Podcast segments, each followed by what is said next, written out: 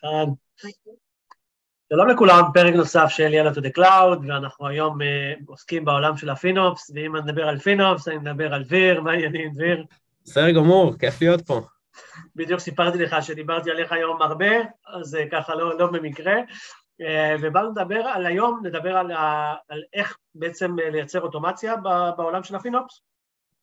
נכון מאוד, ובגדול אנחנו רוצים לבוא ולדבר על שלושה סוגיות שלושה סוגי אוטומציות, סליחה, אני עדיין מנסה, כאילו, אתה יודע, לדבר נכון.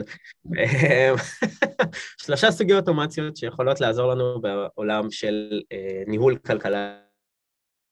אה, האוטומציה הראשונה שמעניינת אותנו, אה, קודם כל אני אגיד מה השלושה. אז יש לנו אוטומציות שמנהלות לנו ממש ערך כספי, זה אומר אוטומציות שבהן אנחנו מנטרים מה שנקרא waste בעולם של הפינופס, כל מה שקשור ל-best practices של הפינופס, יש לנו אוטומציות שאנחנו רוצים לנהל ברמת ה-visibility, כלומר לנהל אוטומציות שיעזרו לנו לתייג את הסביבה בצורה נכונה יותר, והאוטומציות הכי כיפיות, שאני הכי אוהב אישית, זה ה-next level של automations, זה כל ההתממשקות עם ה-financial utilization, זה אומר כאילו איך אני מייצר אוטומציות שהיוטיליזציה שלי אה, בענן היא נכונה, כדי למצוא את ה-waste לא רק בדברים שהם best practices, אלא גם בפעילויות שאני יודע שעובדות ועושות את מה שהן אמורות לעשות. אה, אז בואו אה, נתחיל עם ה-value. עכשיו, כולנו מכירים את ה-best practices בסופו של דבר. אה, של הפינופס, כן? איפה אנחנו מייצרים אוטומציות או אופרציה שמייצרת לנו financial value. כל מה שקשור לליסט של ה-incomplete multipart S3 uploads, זה העלאות שתופסות לנו storage, אם הן incomplete הן לא נותנות לנו value, ולכן אנחנו מנטרים את הדבר הזה באוטומציה, כדי לנקות את ה-incomplete multipart uploads. ל-S3, list וכמובן אוטומציה ל-remove של available או detached volumes. EBS volume זה מכת מדינה, כולנו נתקלים בזה באיזשהו שלב. יש לנו workloadים שלמים שאנחנו עושים stop ל-instance או terminate ל-instance, גם אם זה דרך Terraform, לפעמים יש לנו באגים בהורדה של ה-workload ויש לנו available volumes, אפילו ברמות שמבזבזות מאות ואלפי דולרים, במיוחד בסקיילים גדולים. אנחנו רוצים להגיע למצב שיש לנו איזושהי ויזיביליות אוטומטית על כל ה-workload הזה שהוא בעצם waste. גם אם יש לך available volume, דרך אגב, שהוא צריך להיות שם, יש דרכים אחרות לשמור דאטה, שהוא לא לשמור את הווליום, גם דרכים זולות יותר. אה, כל מה שקשור ל-unallocated elastic IPs, יש לנו גם כאילו את כל מה שקשור לעלויות הנלוות, גם אם זה stopped instance, יש לנו עלויות נלוות אה, לנגיד IP שמחובר אליו. וזה בגדול כל האוטומציות האלה שאנחנו יכולים לייצר, באמת זה mindset כזה שבא ואומר, אנחנו רוצים לבוא ולהוריד את העלויות התפעוליות שלנו על ידי הורדה של waste אמיתי בענן. אז זה נותן לנו value. אבל רגע, אה, עכשיו אני רגע שואל, אני רוצה להישאר איתך בעולם הזה. בוא נסתכל כן. רגע על שני uh, גופים.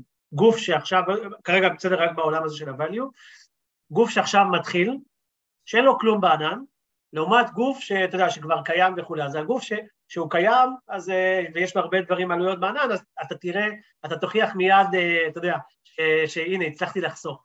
אבל איך אתה מתייחס לגוף שעכשיו הוא מתחיל אה, בעולם הזה? האם אני אחכה לסעיף השלישי שקצת דיברנו עליו, או שיש לך מה להגיד כבר עכשיו שאתה צריך להתכונן לזה?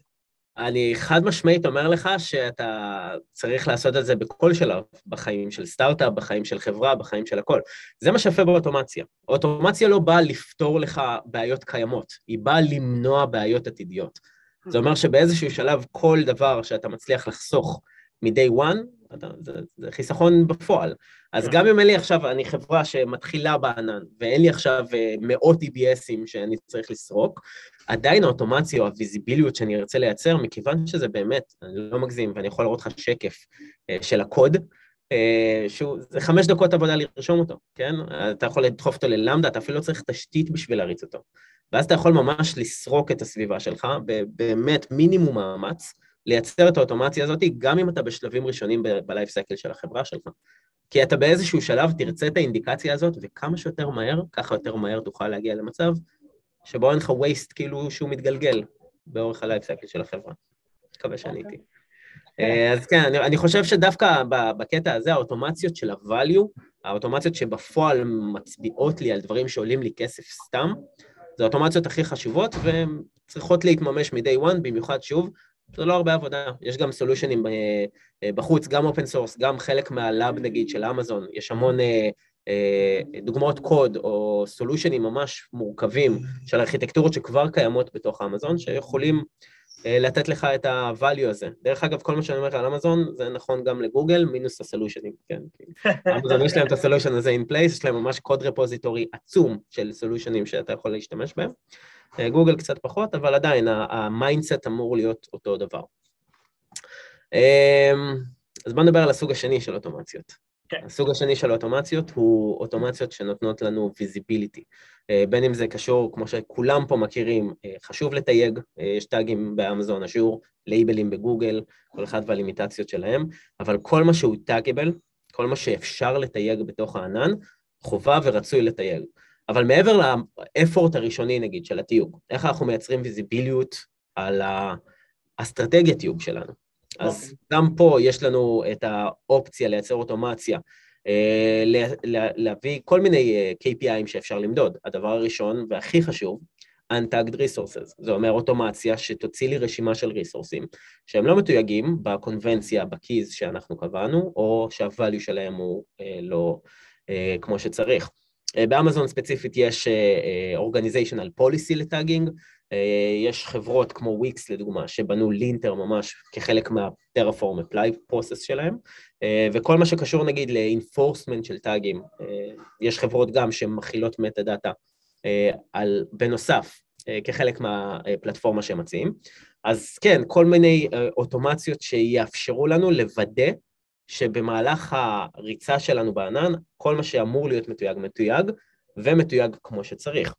יותר מזה, Financial Visibility נותן לנו עוד דברים, כמו לדוגמה SDK usage, שאנחנו יכולים לקרוא ל-Cost Services, בין אם זה ה-Public אה, API של אמזון ושל גוגל, של אה, Cost, בין אם זה קשור עכשיו נגיד ל-Cost Explorer API באמזון, שאתה יכול לעשות אה, שני מימדים של query, מה שאתה לא יכול לעשות דרך אגב בסרוויס הרגיל, רק דרך ה-API.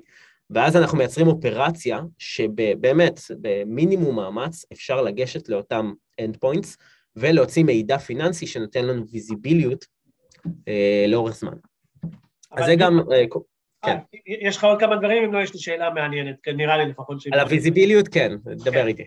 בדיוק, אני יודע למתי לעצור אותך לפחות. אה, עוד פעם, אתה מדבר ברמה של מישהו מאוד מנוסה, שחי את העולם הזה כבר 4-5 שנים לפחות, ארגון שעכשיו מתחיל, איך, אתה יודע, הפינופס הראשון שמתחיל עכשיו אה, את העבודה שלו, איך הוא אוכל את כל הביזיביליות הזה? כי אתה יודע, זרקת הרבה מאוד נקודות, איך, ת, תן לנו איזה משהו אה, ראשוני, שהוא יכול לבוא ולהגיד, אוקיי, אה, חוץ מזה שהוא ישמע את הפרק הזה עוד כמה פעמים, ואז הוא ידע לחזור אחרי זה. אז, אז האיך זה נורא מעניין, כי שוב, מדברים על עננים שונים, אז בכל ענן זה אחרת. בואו נתמקד שנייה על אמזון, באמזון זה יחסית נורא פשוט. אפילו דרך ה-Cost Explorer, אה, אם יש לך את ה... אם אפשרת ברמת ה-resource אה, את הדוחות שלך ב-Cost Explorer, אתה יכול דרך ה-Cost Explorer לראות איזה ריסורסים לא מתויגים, אתה אפילו לא צריך לבנות לזה אוטומציה. זה אומר שמ-day one כבר אתה יכול לפלטר את כל הריסורסים שהם לא מתויגים. גם אם זה לא ברמת הריסורס, ברגע שאפשרת את ה-CUR לדוגמה, Cost Allocation Report, או כל הריפורטים האחרים, אתה יכול לבוא ולוודא ברמת הריסורס איזה ריסורסים לא מתויגים. אמ, זה כן דורש קצת השקעה, כן? כאילו אין, אין משהו out of the box, אלא אם כן אנחנו באים ומסתכלים על ה-Cloud Intelligent Dashboard, לדוגמה. זה לאב של אמזון שאתה יכול לייצר, אמ, ממש את כל הדשבורדים של קודוס, את הדשבורדים של ה-KPI, Trusted Advisor ו-Compute Optimizer, אם יש לך Enterprise Support. אז יש פה כל מיני דברים שבאמת אתה, זה ממש manual של next, next, next, שאתה יכול לייצר את הוויזיביליות הזאת, לא באפס מאמץ, אבל באמת במאמץ מינימלי. גם כחברה שאין לה את ה-capacity עכשיו לבוא ולפתח קוד או לכתוב סקריפטים, יש כבר solution ים בחוץ, כמו שאמרתי, שהם, שאתה יכול פשוט לקחת אותם.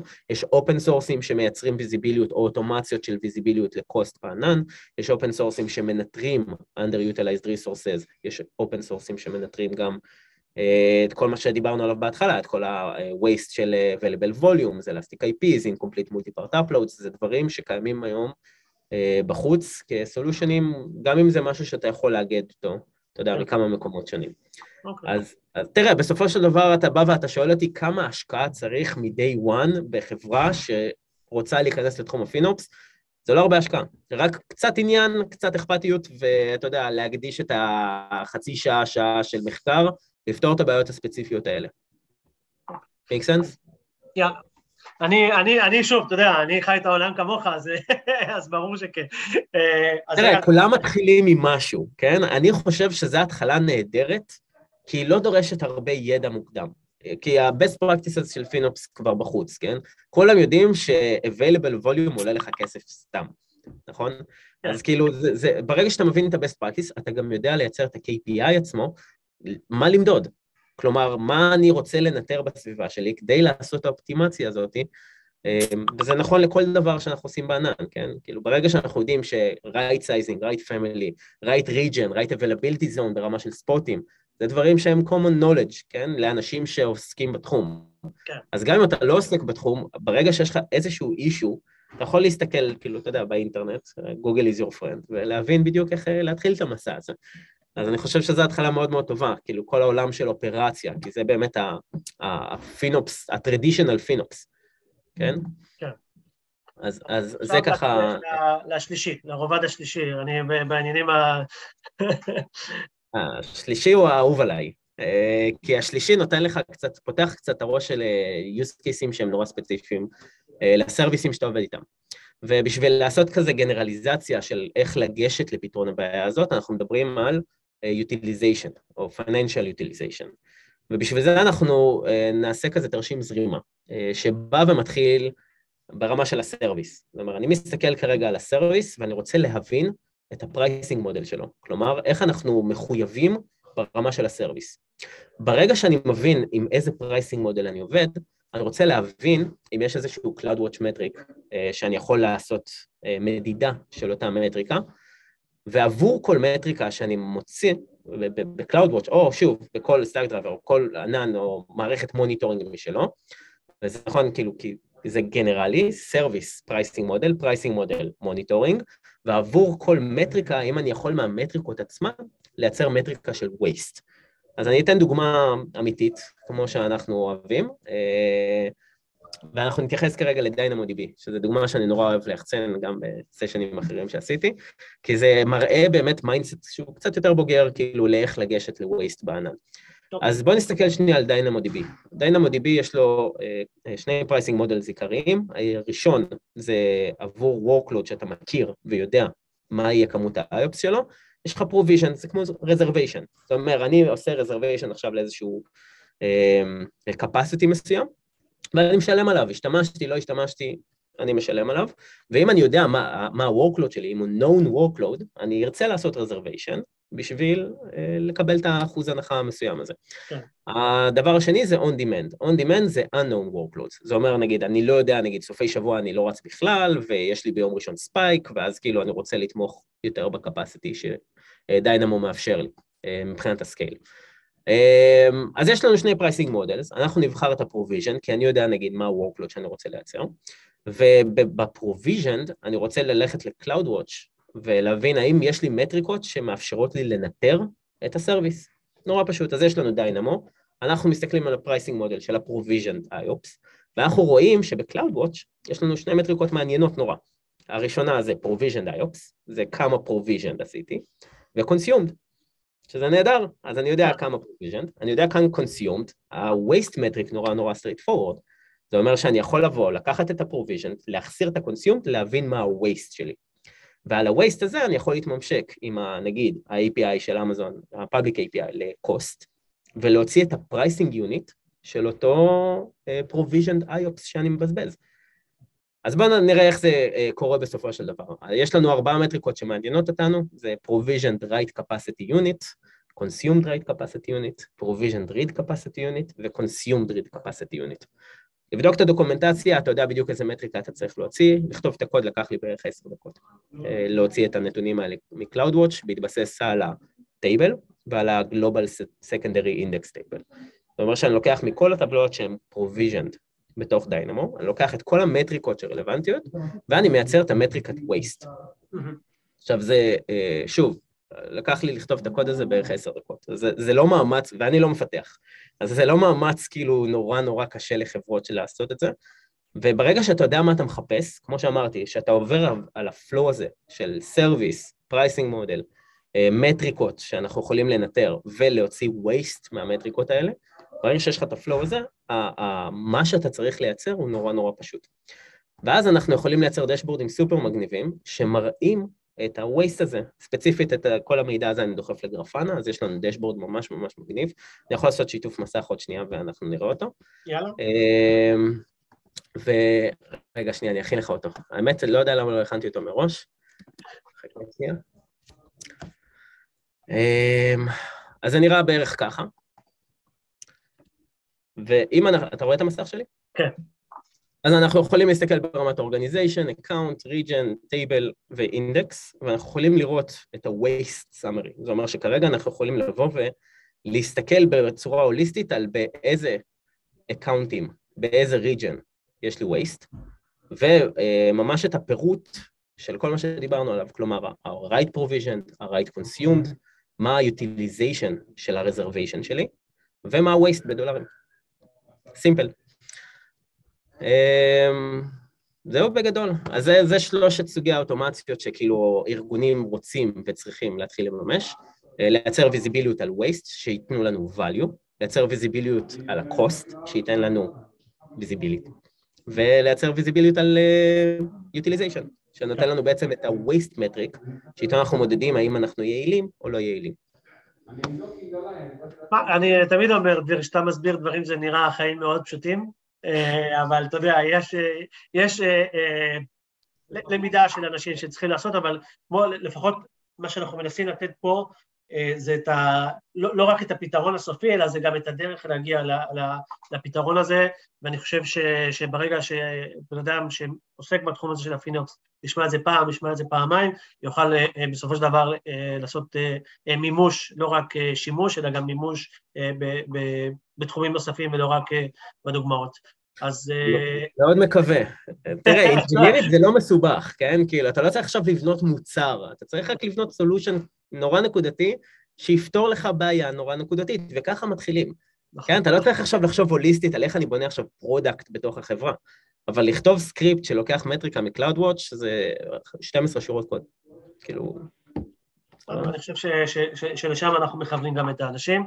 אז אה, דביר, אה, כמו תמיד, אה, תודה רבה ככה על הזמן, על הידע, וכמו שכולם אומרים, עד הפרק הבא. ביי ביי, להתראות. עד הפרק הבא.